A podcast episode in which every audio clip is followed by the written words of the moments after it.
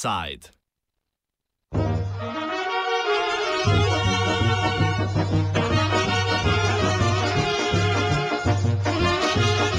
Zoran Zajeb.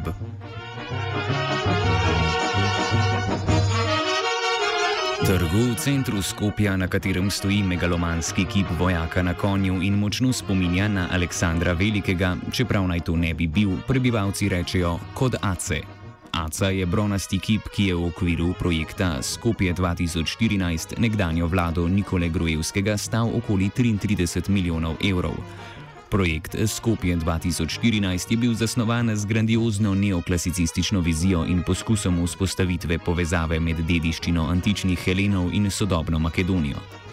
Celoten projekt je, kot je razkrila Balkanska mreža raziskovalnih novinarjev, nekdanjo desno vlado stranke VMRO DPMNE stal 560 milijonov evrov.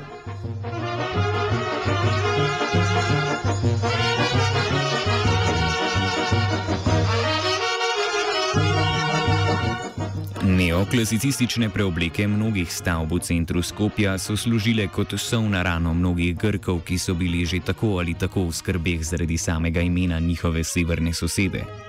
Menda, ker jih je skrbelo, da bo Makedonija v primeru, da Grki priznajo njeno ime, poskušala prevzeti tudi provinco na severu Grčije z istim imenom. Spor Makedonije z Grčijo glede imena se vleče že 27 let, odkar se je Makedonija osamosvojila. Grkijo ustrajno naslavljajo z nekdanja Jugoslovanska republika Makedonija. Blokirajo njen vstop v zvezo NATO in nasprotujejo njenemu približevanju Evropski uniji. Tudi s predajo makedonske vlade v roke socialdemokratov se je zgodil premik. Grška in makedonska vlada sta namreč dosegli dogovor o preimenovanju Makedonije v Republiko Severno Makedonijo. Dogovor je sicer prešel parlament z navadno večino, vendar je veto nan podal predsednik Đorđa Ivanov, zvest nekdani vladi VMRO DPMNE. Dogovor tako še ni ratificiran. Opozicija stranke VMRO DPMNE Se upravičujem, opozicijska stranka VMRO DPMNE je od vlade socialdemokratov zahtevala, da pred ustavno reformo, ki bo potrebna za spremembo imena države, pridobi dovoljenje državljanov s posvetovalnim referendumom.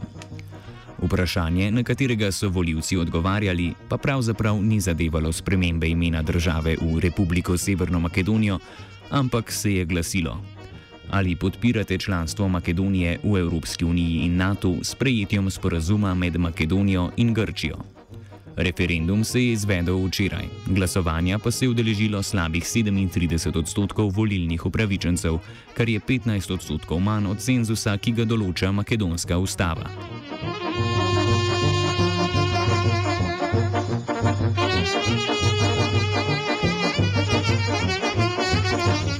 Tistih 35 odstotkov upravičencev, ki so se udeležili glasovanja, je sicer z 90 odstotki pritrdilno odgovorilo na referendumsko vprašanje.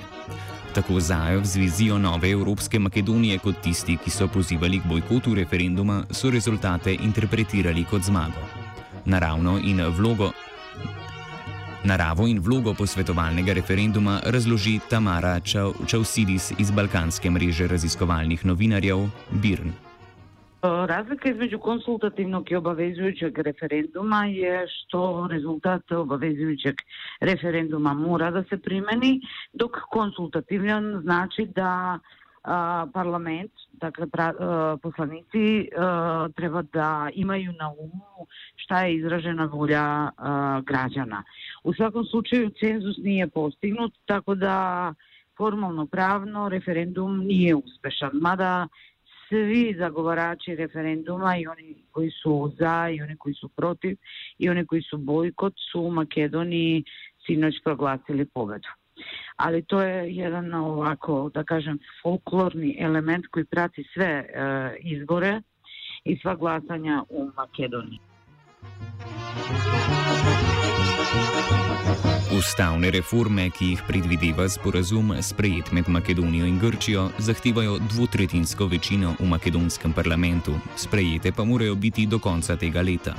Zajev je v izjavah včeraj že namignil, da se bodo v primeru, da reforme ne bodo potrjene, v Makedoniji izvedle predčasne volitve.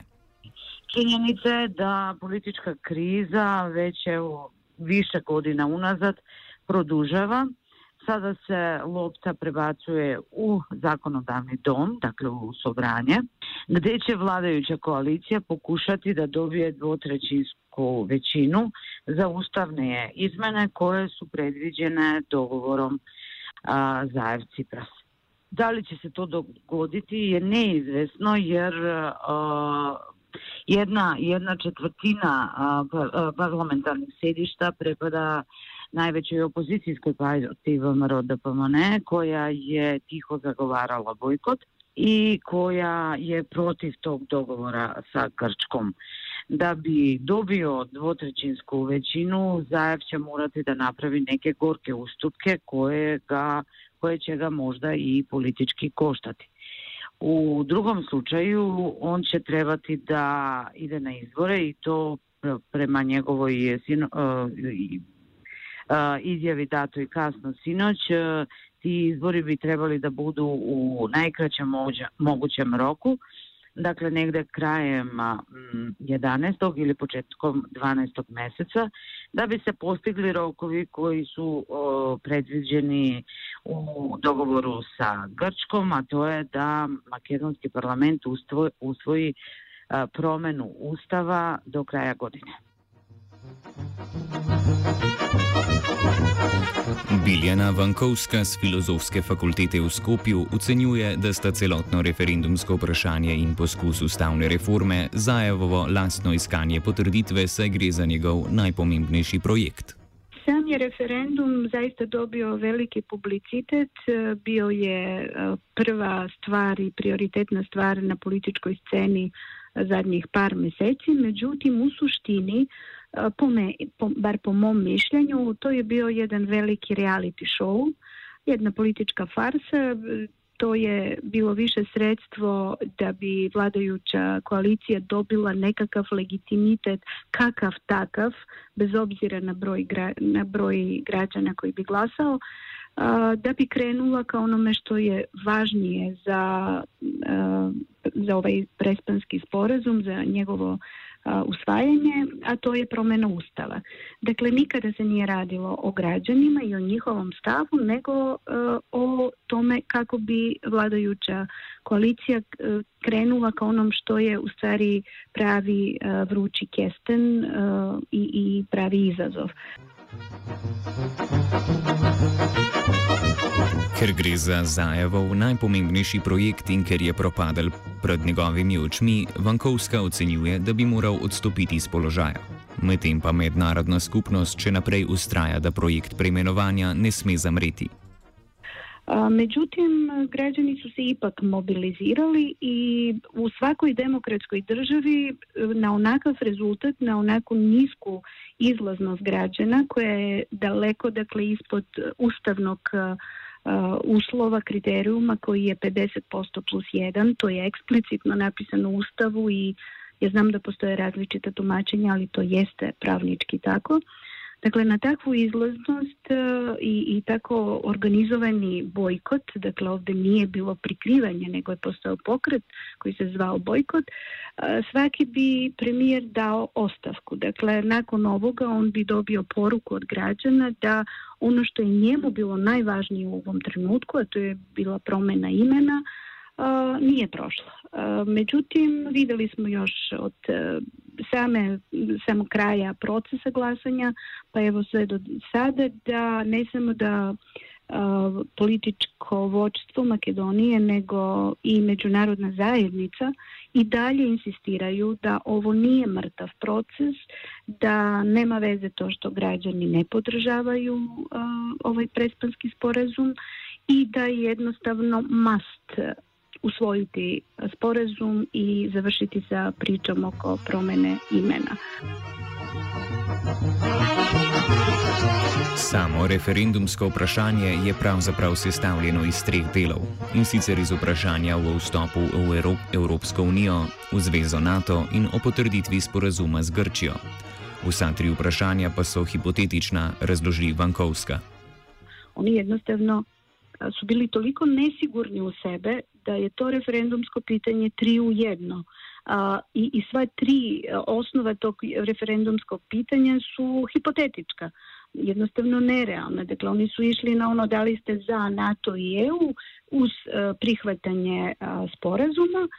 A, prvo moram reći da sporazum nema pravnu snagu. Dakle, Prespanski sporazum je prošao do nekle, do, kroz onu fazu ratifikacije u parlamentu, Međutim, zakon za ratifikaciju nije bio potpisan od predsjednika, nije objavljen u službenom glastiku Makedonije, dakle on ne proizvodi nikakvu pravnu snagu. građani su juče trebali da se izjašnjavaju za nešto što je pravna fikcija.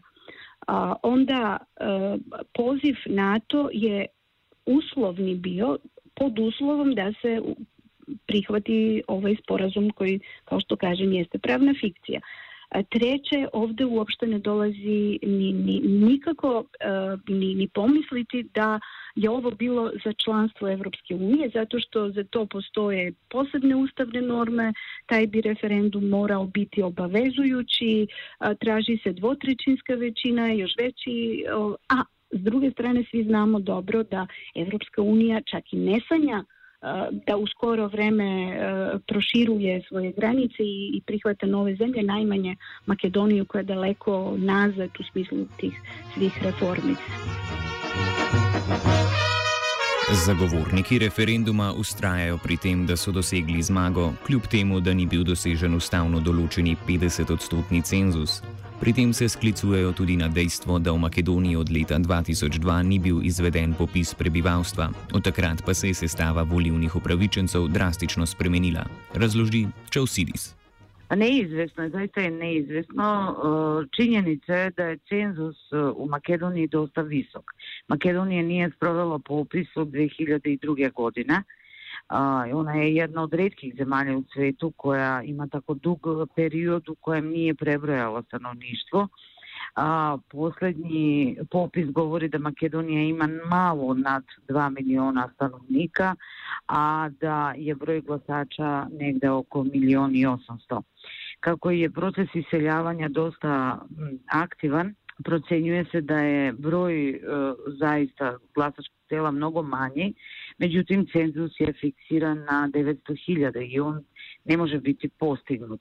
Evropska unija kao i vladajuća koalicija e, izabire u ovom trenutku političku poziciju. Dakle, oni čitaju ove rezultate referenduma kao uspešne zato što je 600.000 ljudi izašlo i glasalo za. To zaista nije mali rezultat, to, to nije mala brojka s obzirom da je to najveća broj, brojka glasača u odnosu na sve parlamentarne izbore. Recimo, kod nas partije formiraju vlast sa 300-400 hiljada glasova, razumete? Tako da 600 hiljada glasova za se smatra dosta velikim brojem. Dejstvo je, da se je iz Makedonije kot tudi širše regije v zadnjih nekaj letih izselilo več ljudi.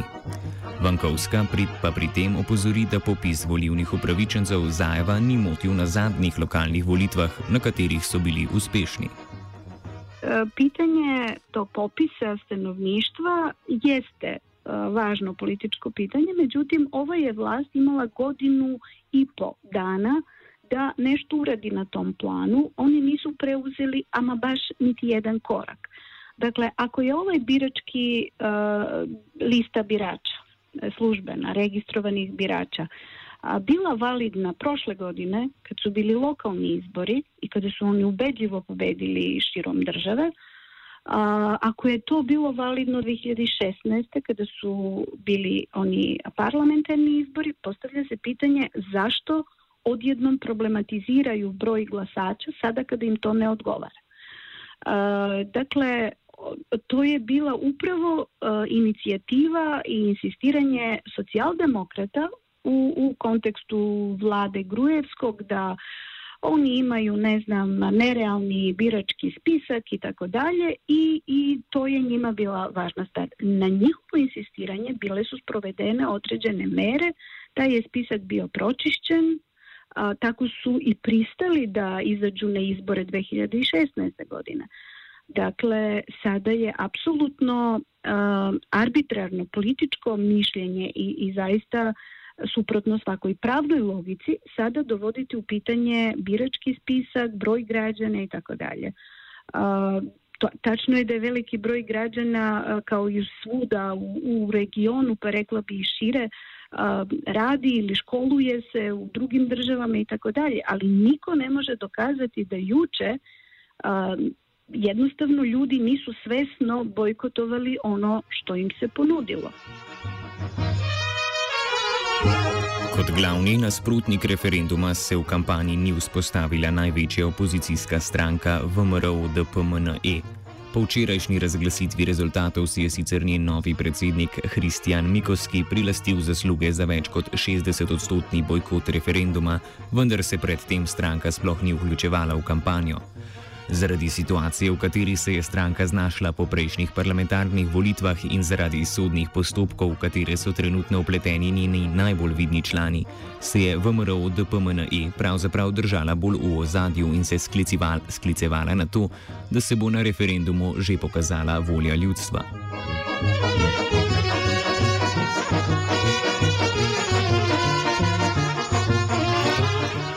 Gibanju, ki je pozivalo k bojkotu referenduma, so se združili argumenti političnih nazorov od nacionalistične desnice do skrajne levice, pri tem pa ni šlo za organizirano kampanjo, ampak za bolj spontano, z družbenimi omrežji podprto gibanje. Ljudi su agitirali za bojkot iz različitih pozicija i sa različitim argumentacijama, različitim motivima. Naravno tu je dosta i nacionalista, ali i levičara. Ovi iz krajnje levice su recimo uspjeli osigurati čak podršku od svojih uh, tih um, srodnih partija iz Grčke, iz Turske, iz Srbije, iz Hrvatske i tako dalje. Dakle, po onoj levičarskoj osnovi.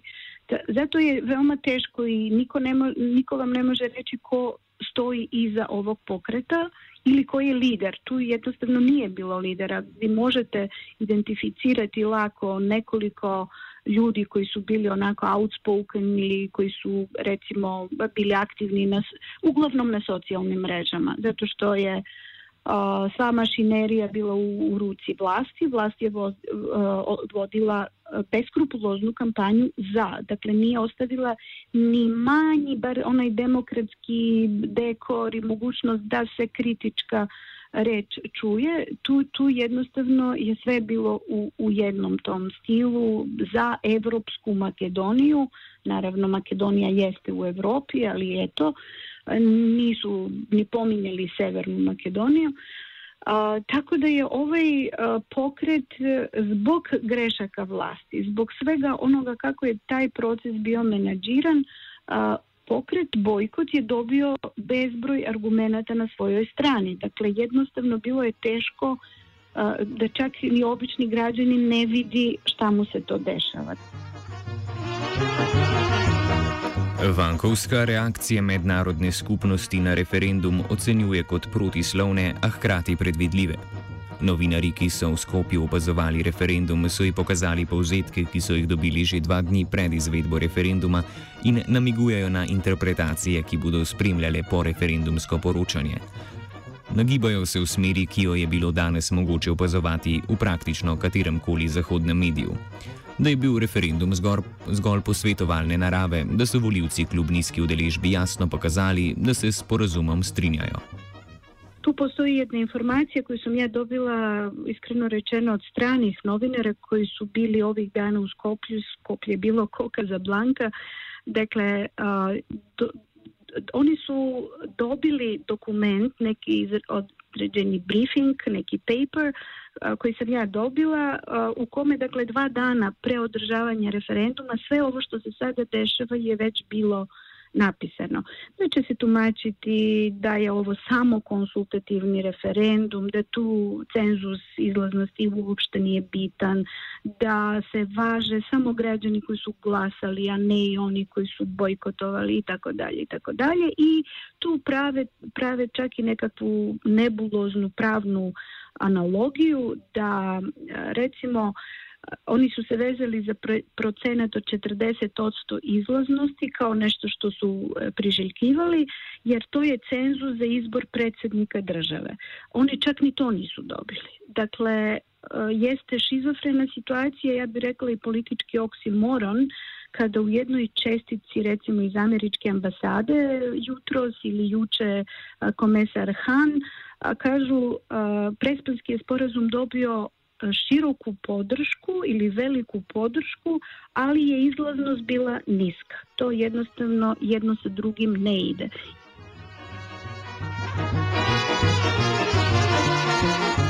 V zaključku današnjega offsajda Vankovska povdari, da je šlo pri včerajšnjem vprašanju tako mednarodni skupnosti kot aktualnemu predsedniku vlade Zoranu Zajevu predvsem za iskanje potrditve za okrasek demokracije, ki spada k širši zgodbi o umirjanju razmer v Makedoniji in na Balkanu. Neću da zvučim kao da je to neka konspiracija, ali ipak radi se o geopolitici. Tu demokratija nije važna. Onako kako demokratija nije bila važna u Grčkoj za vrijeme onog referenduma 2015. godine kada su grčki građani u, u ogromnom procentu rekli ne za bailout plan, a, a Cipras je ipak postupio onako kako su, kako su mu naložili, tako se sada međunarodna zajednica ponaša i prema Makedoniji. Dakle, uopšte nije bitno kako građani gledaju na ovo, nego je bitno da oni završe svoj posao. Taj posao se zove zatvaranje ove šahovske partije tu na Balkanu u kontekstu nekog e, drugog e, hladnog rata, pa geopolitički interesi e, i Kine i, i, i razno raznih drugih aktera, tako da Nažalost, makedonska demokratija i makedonski građani su kolateralne žrtva nekakvih ovakvih velikih igara gde, gde jednostavno demokratija nema, nema nikakvu svrhu osim kao dekor za, za ono što se dešava i za kojeg stoje veliki interesi.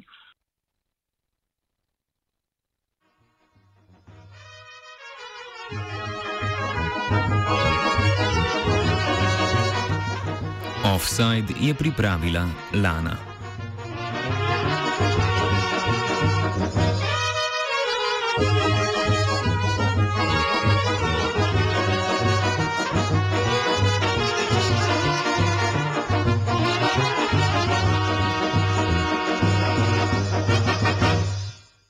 Ακούτε ράδιο Student. Σας ευχόμαστε γάμα το σήμα και εικόνα που τα σπάει.